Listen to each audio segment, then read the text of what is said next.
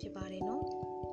ဒီတစ်ပတ်အားလုံးကိုဝေမျှပေးသွားခြင်းတဲ့အကြောင်းအရာလေးကတော့သွေးပေါင်ချိန်တိုင်းတဲ့အခါမှာပုံမှန်အပေါ်သွေးအောက်သွေးဘယ်လောက်ရှိသင့်လဲဘလို့အခြေအနေမျိုးကိုသွေးတိုးရှိနေပြီလို့ယူဆရမလဲသွေးပေါင်ချိန်စက်မှာပြနေတဲ့နံပါတ်တွေကဟောဘာတွေကိုပြနေတာလဲဆိုတဲ့အကြောင်းအရာနဲ့ပတ်သက်ပြီးတော့သိထားသလောက်လေးဝေမျှပေးသွားမှာဖြစ်ပါတယ်နော်ကဲဗီဒီယိုလေးကိုမစခင်မှာ channel လေးကို subscribe လုပ်ခဲ့ဖို့မမေ့နေဘူးနော် hypertension ဆိုတာကိုသွေးတိုးလို့လူသိများပါတယ်။သွေး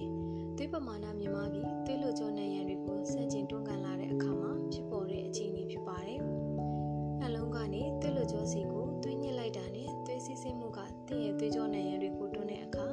သွေးပီဟာဟာအဆက်မပြတ်ပြောင်းလဲစေပါတယ်။ဒီလိုသွေးပီအားတွေမြင့်တက်ခြင်းကအချိန်ကြာမြင့်စွာပဲဖြစ်နေမယ်ဆိုရင်တော့တင့်ရဲ့ခန္ဓာကိုယ်ဟာအန္တရာယ်ဖြစ်နိုင်ပါတယ်နော်။တင်ကိုယ်တိုင်ဒါမှမဟုတ်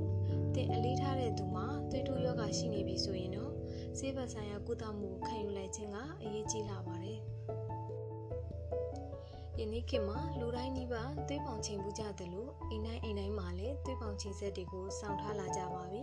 ။အိမ်မှာသုံးဖို့သွေးပေါင်ချိန်ဆက်တွေကိုဝယ်ယူတဲ့အခါမှာအရေးအသွေးကိုတရက်ဝင်စစ်ဆေးထားတဲ့ဆက်တွေကိုသာရွေးချယ်ဝယ်ယူတတ်ဖို့လည်းလိုအပ်ပါတယ်နော်။သွေးတိုးနဲ့ပတ်သက်ပြီးဒီနေရာမှာအားလုံးအကြံဉာဏ်သိကြတာကတော့ပုံမှန်သွေးပေါင်ချိန်ဆိုရင်အ ပေါ်သွေးဟာ120အောက်သွေး80ရှိမယ်ဆိုပြီးတော့အကယ်၍အပေါ်သွေး140လောက်ရောက်နေပြီဆိုရင်သွေးတိုးနေပြီးတော့အပေါ်သွေး90ပဲရှိတယ်ဆိုရင်သွေးပေါင်ကျနေပြီဆိုပြီးသိထားကြပါတယ်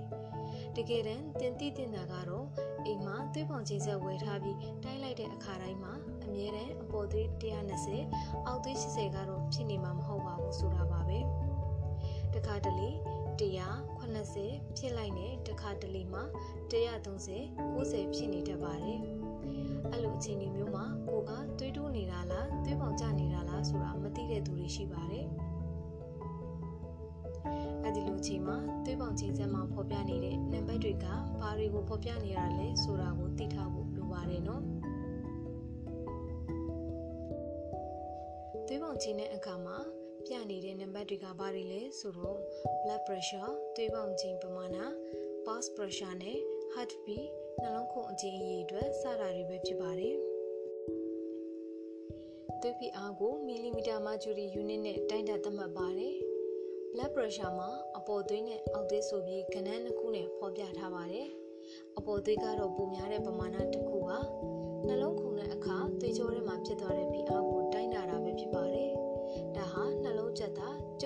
တဲ့အချိန်မှာဖြစ်လာတာဖြစ်ပါတယ်။အောက်သွေးကတော့ပိုနေတဲ့ပမာဏတစ်ခုဖြစ်ပြီးနှလုံးခုန်တဲ့တစ်ချက်နဲ့တစ်ချက်ကြားတွေကသွေးကြောထဲမှာဖြစ်သွားတဲ့ဖိအားကိုတိုင်းတာခြင်းပဲဖြစ်ပါတယ်။အဲ့ဒီအချိန်မှာနှလုံးဟာခဏနားနေပြီးသွေးပြန်ဖြည့်တဲ့အချိန်ဖြစ်ပါတယ်။တင့်ရဲ့သွေးပေါင်ချိန်ဟာအပေါ်သွေး120နဲ့အောက်ဖြစ်ပြီးတော့အောက်သွေး80နဲ့အောက်ဆိုလို့ရှိရင်တော့ပုံမှန်သွေးပေါင်ချိန်လို့သတ်မှတ်ပါတယ်။ဒါမှမဟုတ်အပေါ်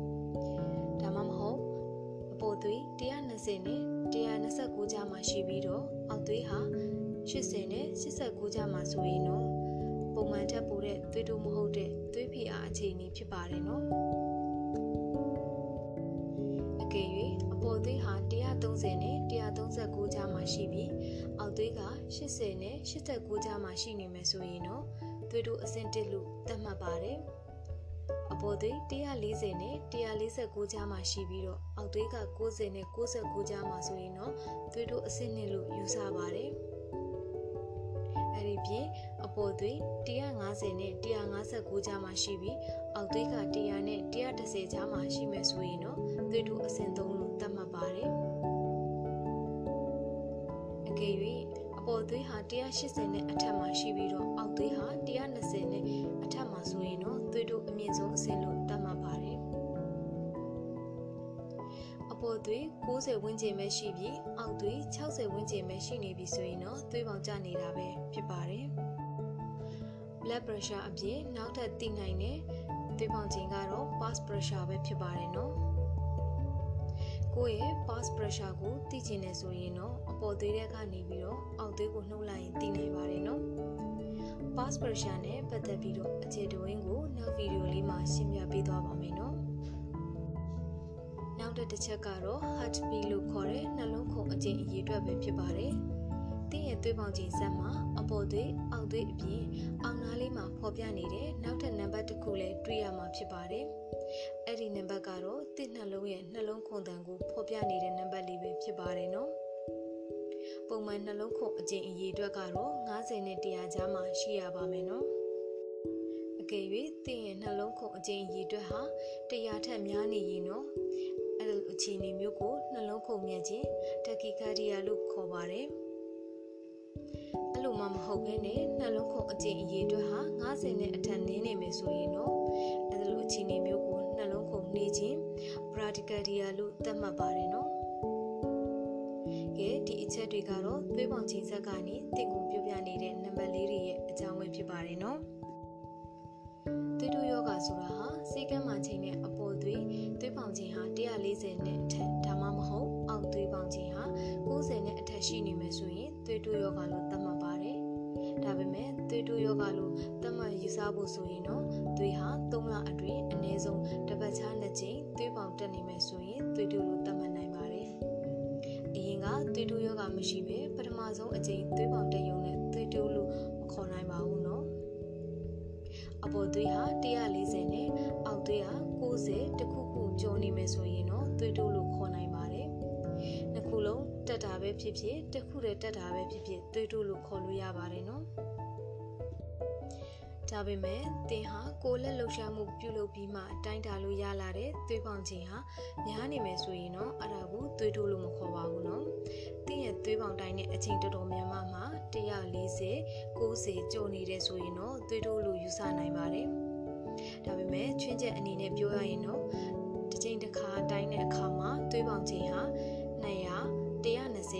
ပြီဆိုရင်တော့နောက်တစ်ချိန်မှုမလိုတော့ပါဘူးနော်။အဲ့ဒါကိုတစ်ချိန်တစ်ခါတက်ယုံနဲ့သွေးတိုးလို့ခေါ်နိုင်ပါတယ်။ American Heart Association ရဲ့အဆိုအရ120-80 mm မာဂျူရီနဲ့90-60 mm မာဂျူရီကြားပမာဏကိုသွေးပေါင်ချိန်ပုံမှန်ဖြစ်တယ်လို့မှတ်ယူပါတယ်။အကယ်၍များတင်းရဲ့သွေးပေါင်ချိန်ဟာတသက်မထဲ အပေါ်သွေး140အောက်သွေး90 mm မာဂျူရီအထက်ရောက်နေရင်တော့သွေးတိုးရောဂါဖြစ်နေပြီလို့ဆိုနိုင်ပါတယ်နော်။ဒါက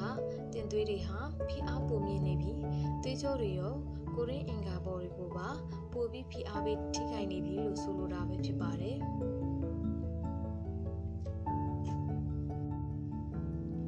သွေးပုံချိန်တိုင်းရမှာတစ်ပတ်ကို3ရက်ကနေ9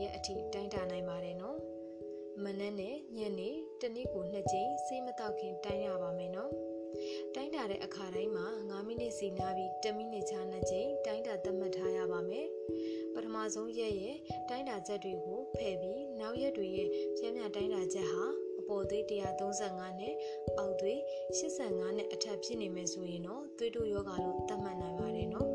။နောက်ပိုင်းသွေးပေါင်ချိန်ကောင်းမွန်လာရင်တော့တစ်ပတ်ဒါမှမဟုတ်တစ်လကိုတစ်ကြိမ်ဒါမှမဟုတ်နှစ်ကြိမ်ခန့်တိုင်းတာပေးရုံနဲ့လုံလောက်ပါပြီနော်။သွေးတိုးယောဂါရှိသူ 90ကနေ65ရာခိုင်နှုန်းဟာ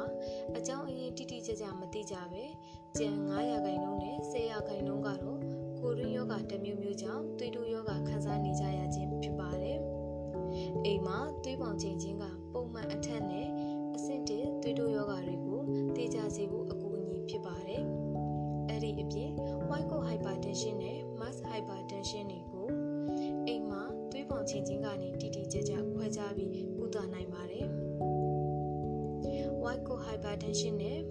mass hypertension pulse pressure ဆိုတာဘာတွေလဲဆိုတဲ့အကြောင်းကို